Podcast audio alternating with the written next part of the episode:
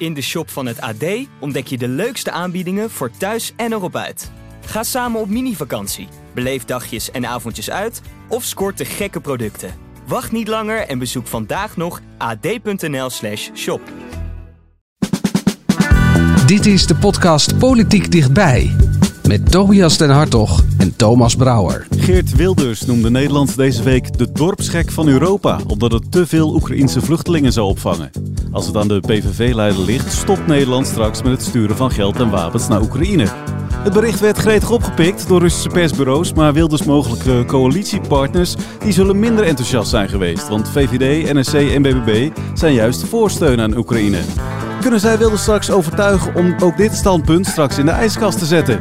En hoe zit het nu eigenlijk met de banden tussen de PVV en het Kremlin? Dat en meer bespreek ik met Tobias den Hartog en Niels Klaassen. Ja, Niels, het is eindelijk duidelijk wat Kuipers gaat doen. Ja, dat was uh, een onthulling vanochtend van uh, Kuipers zelf. Nou, ik moet zeggen van de universiteit waar hij gaat werken. In Singapore gaat hij aan de slag. Gaaf, gave baan. Ja, dat is een trein die blijkbaar maar één keer voorbij kwam voor deze oud-minister van Volksgezondheid. Um, hij heeft zes weken gezwegen over wat hij ging doen en het is uh, nu bekend geworden. Maar ja, of dit nou de topbaan is waardoor iedereen dat uh, stilzwijgen begrijpt, dat, uh, dat denk ik niet. Maar zou dat dan niet de baan geweest zijn waarvoor hij ooit die functie heeft opgegeven? Ja, nou ja, zelfs dat uh, kunnen we hem zelf nog niet vragen. Hij geeft geen toelichting aan ons. Waarom niet? Ja, hij, hij hult zich nog in stilzwijgen, dus hij is onbereikbaar. Ik kan nog niet toelichten waarom hij op de, deze manier vertrokken is, maar echt niemand die hierover spreekt is, uh, is hier uh, tevreden over hoe hij dit afscheid heeft, uh, heeft geanceneerd. Ja, ook niet omdat hij pas op 1 mei gaat beginnen. Ja, dus hij heeft in januari dat statement naar buiten gebracht. met een zwaar gemoed neem ik afscheid, maar ik moet om de procedures te volgen, moet ik nu gaan. Hij heeft echt zelfs een nieuwjaarsreceptie op zijn ministerie laten schieten, hebben wij begrepen, begin januari. En hij was weg, als een dief in de nacht. Hij vertelde eigenlijk uh, aan bijna niemand of ongeveer niemand wat hij ging doen. Die partij wist het niet, veel partijgenoten wisten het niet. Dus zagrijn in de treffenzaal, ministers die zich een beetje bedonderd voelden. Het zorgveld boos, ambtenaren vertwijfeld. En uh, ja, dat, uh, dat alsof je stel jobhoppers bent. Zo werd er naar ministers gekeken door Kuipers Move. Ja, en dan 1 mei. Ik mag hopen dat hij met een zeilboot gaat dan. Want dat, dat, dat tijdstip slaat natuurlijk helemaal nergens op. Je had ook nog even kunnen blijven. Bij D66 zullen ze er ook niet al te blij zijn geweest met deze move. Nee, ze zaten daar enorm mee in de maag. En uh, ja, er wordt dan uh, wat genuanceerd en gerelativeerd. En ja, kijk eens hoe goed onze bewindspersonen zijn dat ze gevraagd ja. worden door vooraanstaande instituten en kagers naar Gaza gegaan. Dat is natuurlijk ook wel een ander verhaal hoor.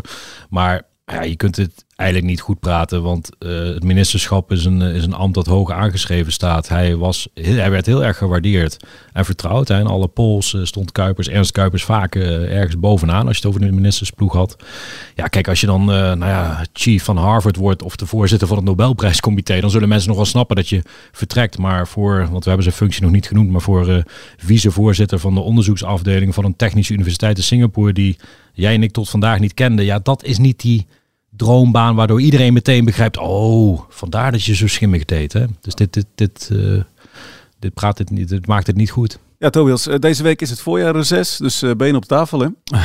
ja, soort van. Nou, het is wel echt in, uh, in de laagste versnelling. Je, je ziet het, de, het enige wat doorging deze week was eigenlijk de, de formatie. Maar dan wel op, uh, op halve snelheid. Ja, want Kim Putters, die krijgt bezoek. Ja, die kreeg bezoek aan de lopende band. Een hele uh, trits aan uh, hoogleraren en andere uh, kamergeleerden over wat dan een extra parlementair kabinet precies is. En ja, hoe je dat dan zou moeten doen. Hij heeft ook, Want daar gaat het over, hè? Ja, daar, daar ging het over. Hij wilde zich daarover laten voorlichten. En dan heb je ook nog wel zeg maar, de gewone beleefdheidsbezoekjes of contactjes met vicepresident van de Raad van State en oud-informateur Cenk Willink bijvoorbeeld. Van, goh, hoe doe je dat nou? Maar het, het was een beetje een, een rustweek, want dit is niet voor ons journalisten, maar ook politiek gezien niet bijster interessant. Ja, we gaan straks even een duik nemen in de geschiedenis. Want Ja. het is niet voor het eerst dat eh, een informateur zich laat adviseren door experts. Maar er was meer nieuws deze week.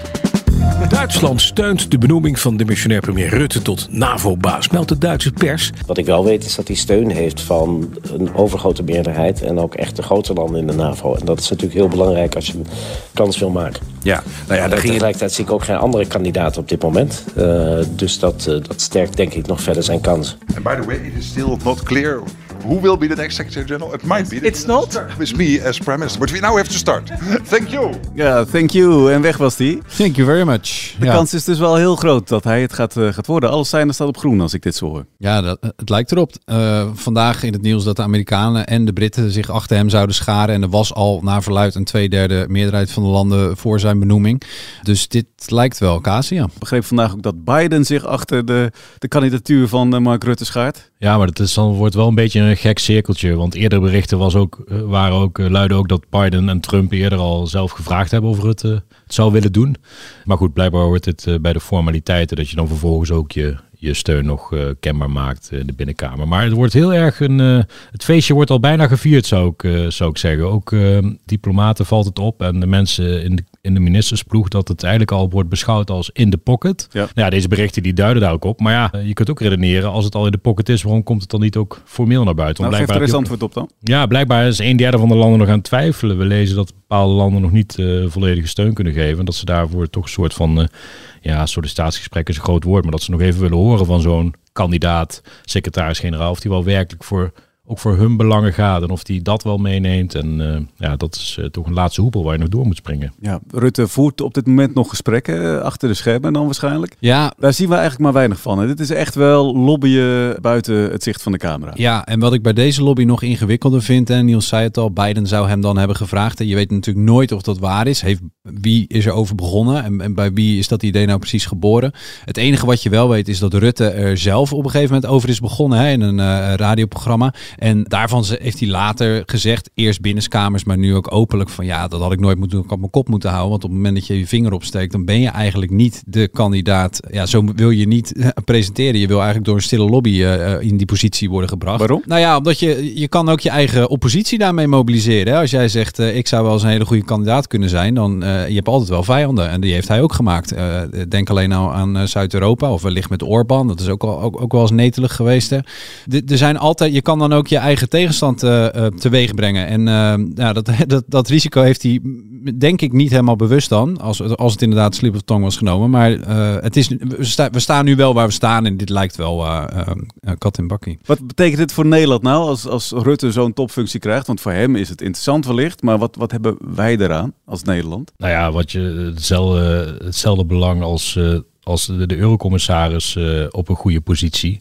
Je hebt gewoon uh, goede lijnen met uh, de belangrijke uh, top 10, top 5 belangrijke stoelen op de wereld, zeg maar. De SG van NAVO zit gewoon bovenaan in de hiërarchie als het gaat over buitenlandse politiek, geopolitiek, defensie, buitenlandse zaken. Ja, en die lijn met Rutte die je dan toch hebt als land, hè, die, die is dan goud waard. Uh, hij zou dan Stoltenberg uh, opvolgen. Die vertrekt in oktober. Betekent dat dan ook dat Rutte dan in oktober dan uh, die kant op gaat? Kan al eerder worden. Die presentatie of de verkiezing zou al in april kunnen zijn, geloof ik. En dan zou het in de reden liggen dat hij ook dan eerder begint. En voor ons land maakt dat dan verschil dat je je demissionaire premier verliest. Die wordt vervangen. Dat wordt dan een VVD'er.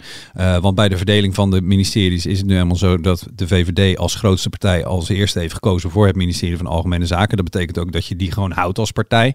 En daar hoort het premierschap bij. Dat zou dus uh, uh, in de reden liggen dat Dylan Jezus het dan overneemt, tijdelijk. Uh, want anders krijg je een soort dubbelfunctie. Je kan niet premier en NAVO-baat. Dat wordt een beetje ingewikkeld, denk ik. Dus ehm, dat zou wel eens een eerder vertrek kunnen betekenen. Dat zou voor de politiek dus wel een behoorlijke verschuiving betekenen. Want als Jezus opeens demissionair premier wordt, dan zit zij ook anders aan, aan onderhandelingstafels, neem ik aan. Ja, hoewel dat natuurlijk wel vaker voorkwam. De vorige drie kabinetten zat ook een demissionair premier aan de onderhandelingstafel namens de VVD. Dat was namelijk Mark Rutte zelf. Alleen, dus het gaat niet zoveel betekenen, je Nou, dat kan wel, want in dit geval is het natuurlijk niet... Zij is nog geen premier geweest, hè. Dus, uh, dus zij, dat zou, dit zou dan haar premierschap opleveren, zeg maar. Een vrijwel ja, toevallige of willekeurige job change van haar voorganger. Maar het moet daar ook wel gegund worden. Want je kunt natuurlijk heel formeel zeggen, dat zal de VVD ook doen. Van ja, we hebben ooit bij de verdeling van posten inderdaad premier, torentjes van ons. Mm -hmm. Maar ja, in principe om, om premier te worden moet je nog wel die steun hebben van die Tweede Kamer. Want anders kunnen ze natuurlijk in het eerstvolgende debat uh, je zult dus uh, een motie van wantrouwen aansmeren als de meerderheid het niet in haar ziet zitten. Zover zal het niet gaan hoor. Maar er moet wel een soort van uh, rondje vooraf gedaan worden in die Kamer. Voor oké, we hebben Dylan Jezilkes op het oog als premier. Dat is voor ons heel logisch, zegt de VVD dan. Maar meneer Wilders, meneer Timmermans, mevrouw van der Plas, meneer Omtzigt, kunnen jullie daar ook mee leven? Want je wil niet tegen een ja, zo'n motie van wantrouwen aanlopen de eerste keer. Dus daarom gaat het misschien ook daarom dat ook een naam als Johan Remkes dan wel eens zo klinkt. Als een soort van... nou ja, vader des vaders. Mining the shop of zo, ja, ja, ja. Iemand die Nou ja. onomstreden is. Maar goed, in principe lijkt het voor de VVD logisch als Dylan Jezilgus. Ja, ik ken de VVD een beetje, die zitten er vrij strak in. Eh, Dit is our business, zeggen ze dan. Ja. Dus eh, je zoekt het maar uit. En bovendien, ja, je hebt gelijk hoor, maar stel je nou voor dat eh, Van der Plas zegt of Wilders, nou, ik vind het helemaal niks, die Jezus, dan is die formatiebespreking ook meteen dood. Dus eh, nou, ik denk dat die, eh, ik zou het torentje niet inrichten voor die korte periode, maar eh, ja, ze kan er wel eh, alvast een keer naartoe. Ja, alvast even kijken. Ja. Eh, ja, Rutte zelf die wil nog niet reageren op zijn mogelijke nieuwe functie. Maar hij sprak zich wel deze week uit over de steun aan Oekraïne. Feit is ook dat de strijd niet klaar is. Dat klopt. En dat betekent dat wij door moeten gaan met het leveren van munitie. Door moeten gaan met het leveren van afweer tegen de raketten. Dus luchtverdediging. Door moeten gaan met het financieel en militair ondersteunen van Oekraïne. Ja, volgens Rutte is die militaire en financiële steun aan Oekraïne dus voor de lange tijd. Dat is wel eh, opvallend, want de grootste partij van dit land, de PVV, die ziet die steun helemaal niet zo zitten. Als het aan Geert Wilders ligt, dan stopt Nederland namelijk met die financiële eh, steun aan Oekraïne. Eigenlijk al sinds het begin. Hij heeft wel eh, de dag van de invasie heeft hij zijn afkeur uitgesproken over de actie van Poetin. Hij gezegd, joh, dit is een agressor op een soeverein land. Dus daar heeft hij wel meteen een streep getrokken dat dat niet kon. Maar hij heeft ook volgens mij in diezelfde post in diezelfde week al gezegd, maar ja goed, toetreding van Oekraïne tot de NAVO, dat ging ook hard. En daar zijn Nederlanders ook niet voor. Dus hij is wel meteen al heel kritisch ook wel weer op Oekraïne. En hij heeft sinds het begin gezegd, onze eigen krijgsmacht ligt op apengapen. We, kunnen niet, eh, we hebben helemaal niet genoeg spullen en onze helemaal niet genoeg militair om onszelf te verdedigen. Dus eh, we wij gaan niet eh, Oekraïne zomaar eh, onze spullen geven. Dat is eigenlijk de lijn Maar van de PVV geweest. Sinds Wat wil, wat wil hij dan? Dat, eh, dat- Andere landen mogen dat doen. Dat is eigenlijk eh, de PVV-koers.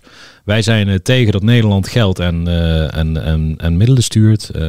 maar we zijn er prima voor als andere landen daar wel gelegenheid toe zien. Dat is eigenlijk de, de PVV-opstelling ja, vrijwel sinds het begin.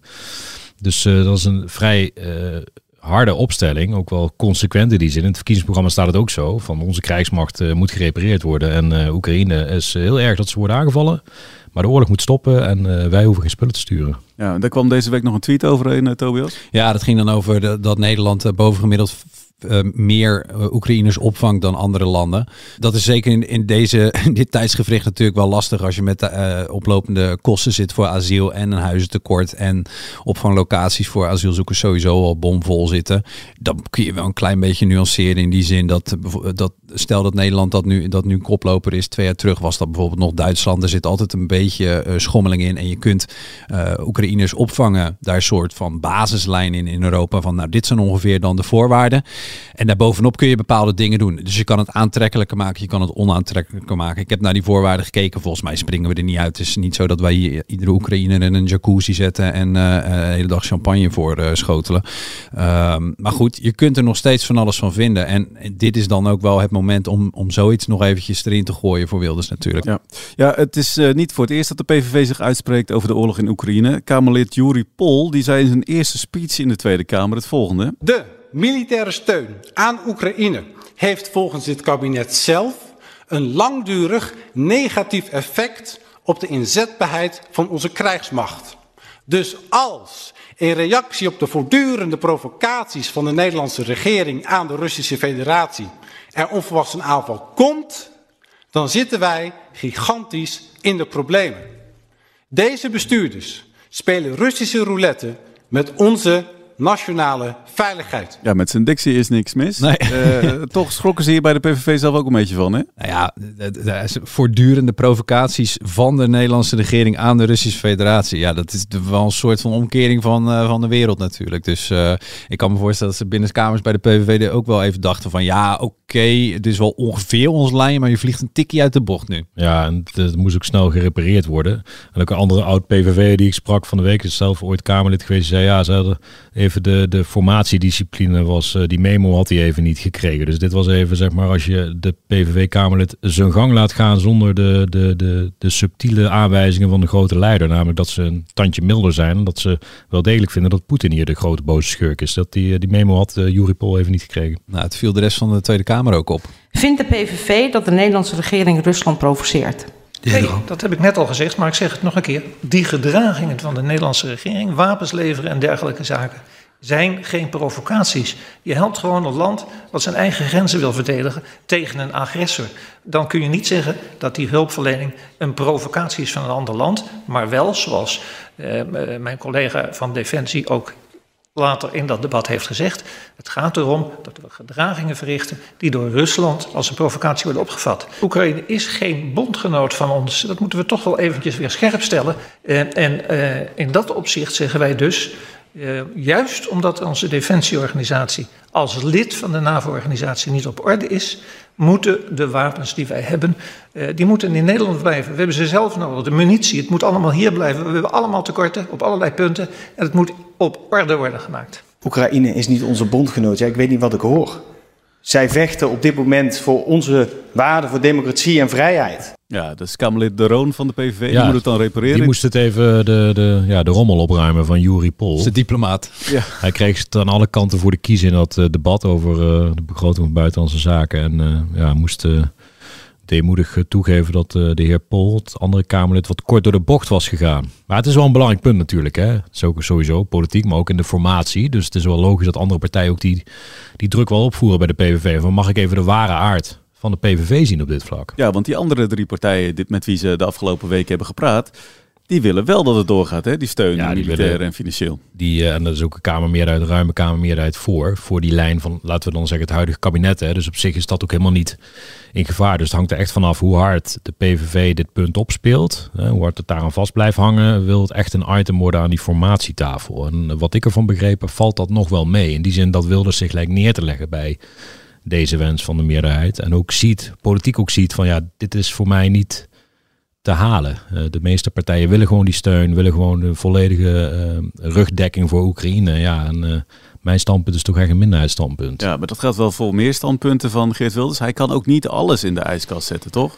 Nou, wel veel laat hij tot nu toe zien. Wel een behoorlijke veel. grote ja. ijskast. Ja, wel veel. En ook echt op alle fronten. Want je kunt zeggen, ja, uh, dit is heel belangrijk voor de partij. Dat is het ook altijd wel geweest. Maar als je zelfs op het gebied van de islam al, in ieder geval op papier, al zoveel weggeeft. Uh, ja, dit, is dit, dit is nog iets minder belangrijk voor. Ja, wat ook wel weer uh, oprakelt, is dan nu de banden die Wilders heeft met Rusland. Die, die zijn al, uh, al tijden warm. Hij is ook er ook een aantal keer geweest.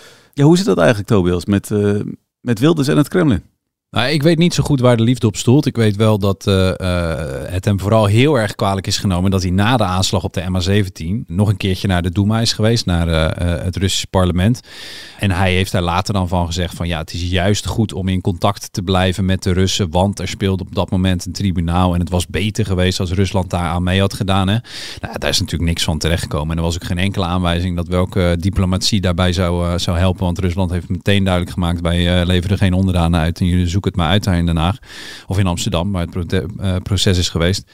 Uh, maar het is een, een, een langere ja, uh, liefde met, voor Rusland of met Rusland. Ja. Maar weten we dan precies hoe die liefde precies zit? Is het gewoon over en weer bezoekjes of, of gaat ja, er ook wel meer in? Er ging natuurlijk ook, ook het najaar is nog gepubliceerd over banden of mogelijke of potentiële uh, beïnvloedingspogingen van het Kremlin hè, en westerse politieke partijen. Zo zouden onder meer een PVV'er betaald door het Kremlin een uh, waarnemingsmissie zijn gaan doen. Nou, dat wordt glashard ontkend door de PVV. En Wilders zelf heeft dat vriendschapsspeltje later inderdaad zitten uh, verklaren van ja, je moet ook bij, uh, bij goede vrienden moet je de waarheid vertellen, et cetera. Maar ja, een vriendschapsspeltje is wel iets anders dan een, een stevig gesprek. Uh, Wilders zelf ontkent ook bij hoog en bij laag, ook nog hier in de campagnetijd hadden we natuurlijk hier voor een interview. Is uiteindelijk niet in het artikel terechtgekomen. Daar hebben we het nog best wel even over gehad, omdat lezers er ook naar vragen. Hij zegt geen cent van het Kremlin, geen cent van andere regeringen. Wij zijn gewoon onafhankelijk en zulke bezoeken moeten gewoon kunnen. Ik ben ook in het Midden-Oosten geweest. Nou ja, dan komt het in dat, in dat verhaal, landt het dan. Maar het is wel duidelijk dat hij de laatste tijd openlijk in ieder geval uh, meer steun voor Oekraïne en meer kritiek op Rusland levert. Hij heeft uh, de dood van Navalny heeft hij, uh, heeft hij duidelijke woorden ge, getwitterd. Hij heeft na een bezoek van de Oekraïense ambassadeur, ik meen in januari, heeft hij zijn steun aan de Oekraïne weer benadrukt. Dus je ziet in ieder geval, ja, laten we zeggen, die mildheid of die verlegging van die koers, hè, die we op al die andere thema's zien sinds de zomer, die zie je ook wel bij, bij Rusland-Oekraïne. Ja, volgende week gaat het in de Tweede Kamer over. Hè? De tijdelijke opvang ontheemde Oekraïners. Gaan we dan nog meer, uh, meer prikken zien naar de PVV van andere partijen? Ja, want uh, voor andere partijen is dit uh, iets om op te drukken. Het is toch een Achilleshiel. Tobias had het er net al over, dat vriendschapsspeltje. Volgens mij was het Tim, Frans Timmermans die van de week in een lezing nog zei... vriend van Poetin? Of, uh, ja, nee, het was in ieder geval zo dat uh, Wilders uh, Poetin vooral verder zou helpen. Dat was ja. de boodschap van met dat soort leiders heeft Poetin een fijne wedstrijd hier. Ursula ja. von der Leyen deed hetzelfde, de, de Duitse chef van de Europese Commissie. We gaan natuurlijk richting de Europese verkiezingen. Zij gooide wat meer rechtspopulistische partijen op één En Zei dat zijn de partijen die ja, Poetin in ieder geval makkelijk maken of Poetin-friendly zijn, Poetin-versteers. Dus dat is wel een item. Hij wilde dus wel begonnen dan blijkbaar op Twitter daar wat een wat, wat, wat stevige kritiek op Rusland uh, te geven. Maar ja, zijn verleden. dat geldt natuurlijk voor meer thema's bij Wilders. Uh, eh, 18 jaar bestaat de partij nu. Die, die, ja, die poets je uh, niet zo makkelijk weg. Ook niet met een paar tweets. Voor uh, Kim Putters, de informateur, betekent het wel dat er weer iets weg te poetsen is straks ook. Of, of, in ieder geval de spanning er een beetje uit te kneden. Hij ontving deze week enkele wetenschappers en oud-politici om te praten over de verschillende vormen van een kabinet.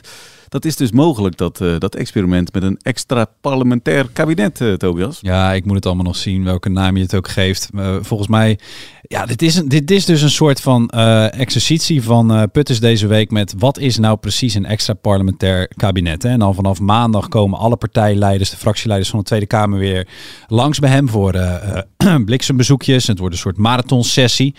Ja, en hij zal dan uh, verslag doen van wat uh, de Kamergeleerden daarvan zeggen. Maar ja, als je naar de geschiedenis kijkt, dit is vaker geprobeerd. En je moet een heel en terug in de tijd. Kort van der Linden, de e-, eerste premier van de, van de VVD om het echt een formeel extra parlementair kabinet uh, te vinden. En dat, ja, er zijn nog, er zijn, je hebt een A, een B, een C en een D-versie daarvan. Maar je zou kunnen zeggen dat het kabinet Den L het ook al probeerde in 1973. Uh, eh, na maanden van onderhandelen, hij werd er ziek van. Uh, luister maar even mee. We hebben een maand of vijf voor meer hebben we achter de rug en de mensen zijn het een beetje beu geworden. Bent u het zelf ook beu geworden? Ja, het heeft natuurlijk veel te lang geduurd mensen zijn het uh, zicht kwijtgeraakt op uh, de verkiezingsuitslag en de kabinetsvorming. Ja, hij werd geïnterviewd in de auto. Ja, in de auto op weg naar, de, uh, ja, naar eigenlijk de installatie van het, van het kabinet. Nou, dat heeft een paar jaar gezeten, maar dat liep natuurlijk ook weer slecht af. Maar de crisis kwam toch. Bij het beraad in het Katshuis konden de meningsverschillen niet worden overbrugd. En op 22 maart verscheen premier Den Uyl in de Tweede Kamer. Meneer de voorzitter, ik heb de Kamer mee te delen dat hedenmiddag de zes ministers van KVP en AR-partij hun ontslag hebben aangeboden aan de koningin. Ja, dit klinkt ook wel Lekker, echt heel erg lang ja, geleden. Ja, is te bedenken dat de nieuwe SG van de NAVO dit in zijn vrije tijd allemaal kijkt. Hè? Ja, Mark zeker. Rutte, die heerlijk. Ja, ja, een bekend uh, liefhebber van uh, oude politiek uh, ja, documentaires. En, maar dit is inderdaad uit de oude doos, Polygoonjournaal. maar goed, dat zoeken naar een nieuwe vorm van een kabinet, dat, dat is wel recenter. In 2021 hoorde je toenmalig informateur Johan Remkes ook al zoeken naar zo'n vorm. Gisteren ben ik daarom in gesprek gegaan met negen partijen uit dat constructieve politieke midden. En ik heb een dringend beroep gedaan op die partijen om buiten de gebruikelijke vormen om te komen tot samenwerking. Het was een uiterste poging om alle alternatieve vormen van samenwerking te verkennen ja, een andere vorm van samenwerking. Hè? Want dat is waar we dan nog steeds naar op zoek zijn. Het gaat om een nieuwe bestuurscultuur, een andere uh, vorm van samenwerking. Nou, uh, het resultaat is bekend. Remkes wist het niet te vinden. En dat was ook Cenk Willink, die het hetzelfde jaar probeerde. Die lukte het dus ook niet. Want een dichtgetimmerd regeerakkoord blokkeert de uh, politieke debat, zet de oppositie inhoudelijk buitenspel en hindert de tegenmacht. Het is dus uh, in een recent verleden ook al gebeurd. Toch doen wij allemaal heel bijzonder over dat extra parlementair kabinet. Maar ja. dat, dat is dus niet zo bijzonder. Ja, omdat die naam bijzonder is en de vorm kan bijzonder worden. Maar dat ligt er dus heel erg aan. Gaan ministers volgens een vast regeerakkoord werken? Komt de discipline met uh, de, de fracties in de Kamer? Steunen die zo'n kabinet? Worden het ministers van buiten? Nou, daar kun je, je kan dus heel veel uh, vormpjes zoeken. Uh, en het uiteindelijk een extra parlementair kabinet noemen. Uh, of het ook zo laten functioneren. Maar er, is, er zijn zoveel mogelijkheden. En ja, komende week krijgt Putters alle, al die fractieleiders op bezoek. En die hebben er allemaal een verschillend idee bij. Dus je moet nog maar. Uh, ja, je kunt je echt afvragen of je daaruit gaat komen. Het kan heel goed zijn dat als je uiteindelijk de partijen bij elkaar zet. waar het echt om draait: VVD, BBB, NSC, PVV daar gaat het uiteindelijk om. Gaat die vier lukken, de winnaars van de verkiezingen, of gaan die weer naar elkaar zitten loeren? En ja, daar, daar, daar komt een vorm van kabinet, doet daar niks bij of van af. Het enige uh, wat je dan, als je dan toch terugkijkt in de geschiedenis, dan gaat het uiteindelijk om vertrouwen en de bereidheid om eruit te komen. Luister maar naar Cenk Willink. Ik denk dat de bereidheid uh, en, en uh, het inzicht dat deze combinatie nu eerst onderzocht moet worden. En de wil om dat te doen, dat die in de afgelopen week gegroeid is. Ja, je zit te schudden, Niels. Ja, nou, ik vind het zo'n woordenspel. Ik bedoel, uiteindelijk moeten partijen toch ook een set afspraken maken. En je kunt het ja. dan uh, aan elkaar vertrouwen, wat Tobias terecht zegt. Maar dan, dan komt het er gewoon op neer dat bijvoorbeeld een PVV wel of niet een minister gaat leveren. En bijvoorbeeld NSC ja. wel of niet meedoet aan dat verantwoordelijkheid nemen. Want als je het heel strikt extra parlementair invoert, zou je eigenlijk gewoon een externe formateur aan moeten stellen. Ga je als Tweede Kamer achteroverleunen, als je het heel strikt de definitie Mhm. neemt. En dan mag zo'n formateur in zijn eentje een programma en mensen gaan zoeken. Ja, dat gaat Pieter Omzicht, Geert Wilders, Dylan Jezus natuurlijk nooit accepteren in die zin. Dus het is gewoon een heel raar woordenspel geworden. Maar uiteindelijk moet er gewoon een meerderheid van die partijen in de Tweede Kamer een vorm van een regering gaan, eh, gaan, eh, gaan brouwen, gaan knutselen. Ja, Putters is daar nu eh, aan het verkennen. Maar dan, ja, dan kun je het een naam geven. Maar mensen in het land, die zien gewoon een minister van een partij. of namens een partij als hij nog geen lid is. Ik bedoel, Ernst Kuipers was totdat hij aantrad geen D66er. Maar dat is hij nu wel. En zo zien mensen het ook. Dat is een minister van D66. En zo gaat het straks ook. Ja, dus als ik het jou goed beluister, niet te lang over die vorm blijven praten. Gewoon kijken naar de inhoud en eh, ook eh, niet te veel eh, eh, ja, twitteren tussendoor dan. Ja, dat helpt ook niet, hè? Wilders kon zich deze week niet inhouden. Die eh twitterde toch weer een, een, een, een eh, berichtje over eh, die mogelijke nieuwe verkiezingen. En dat kun je hem ook bijna niet kwalijk nemen, want hij staat torenhoog in de, in de peilingen. Dus ja, eh, als er iemand niet bang voor nieuwe verkiezingen is, is het Wilders. Eh, hij doet er wellicht verstandig, verstandig aan om even te luisteren naar de eh, oud-informateur Johan Remkes. Ja, ik zou gewoon zeggen, kleppen dicht. Kleppen Gewoon dicht. kleppen dicht. Gewoon kleppen dicht. In ieder geval voor zolang Putters eh, bezig is. Ja, eh, dan gaan we kijken naar volgende week, eh, Niels. Ja. Denk jij, start er meteen in. Maar eh, nee, volgende week eh, een nieuwe aflevering van de succesvolle podcast OO de Mos. Wat, eh, wat kunnen we beluisteren? Eh, Richard de Mos, oud-wethouder van Den Haag, is, eh, eh, verdacht, wordt verdacht van corruptie en omkoping. Eh, hij eh, werd vrijgesproken vorig jaar, dat weten we allemaal nog, met zijn eh, partijgenoten en bevriende ondernemers. Maar het Openbaar Ministerie laat het er niet bij zitten. Gaat in hoger beroep tegen de vrijspraak. En 5 maart begint de rechtszaak. En zijn wij dus ook verder gegaan met onze podcastserie, seizoen 2. Alle verdachten worden daarom vrijgesproken van de te lastig gelegde ambtelijke omkopingen.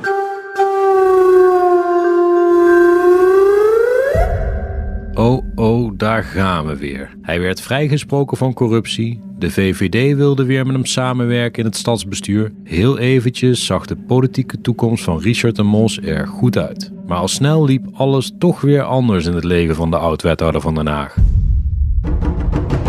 Staan de VVD en groep de Mos staan fucking alweer buiten de poort. Dat kan toch niet? Maar toen ging het hier helemaal mis op het stadhuis. Dat is ook waarom ik het OM echt super kneuzerig vind. Ze gaan er echt voor. Het Openbaar Ministerie zet de corruptiezaak door en gaat in hoger beroep. Andere partijen willen niet met hem samenwerken. Opnieuw is de Mos met zijn partij veroordeeld tot de oppositie. Binnenkort begint het hoger beroep in de corruptiezaak. In het vervolg van OO de Mos hoor je behalve de vertrouwde stemmen ook een aantal nieuwe geluiden. Ik vind dat echt een ijzingwekkende ervaring was dat. En ook nog drie jaar waarbinnen uh, gemeenteraadsverkiezingen waren. Dat vind ik echt slecht. De persoonlijke verhoudingen zijn er niet beter op geworden. We gaan van crisis naar crisis in deze stad. Het zal toch zo moeten zijn dat een openbaar ministerie in Nederland doet aan waarheidsvinding en niet handelt uit emotie. En dat moeten die verdachten allemaal maar ondergaan. En dat is echt heel heftig voor de mensen. Hoe vaker en meer ik erover praat, hoe bozer ik eigenlijk daar, uh, daarover word. We baalden als een stekker. We zijn nu anderhalf uur bezig en nu pas ontdekken we dat er geen handtekening onder stond. Maar we zijn geen therapieclub, hè? Beluister de nieuwe afleveringen van OO de Mos op ad.nl slash podcast of via je favoriete podcast app. Ja, de eerste aflevering volgende week dus, uh, ja. Niels. Tot zover deze aflevering. Vind je dit nou een leuke podcast? Abonneer je dan. Dat kan via Spotify of Apple Podcast. En volgende week zijn we er weer. Tot dan.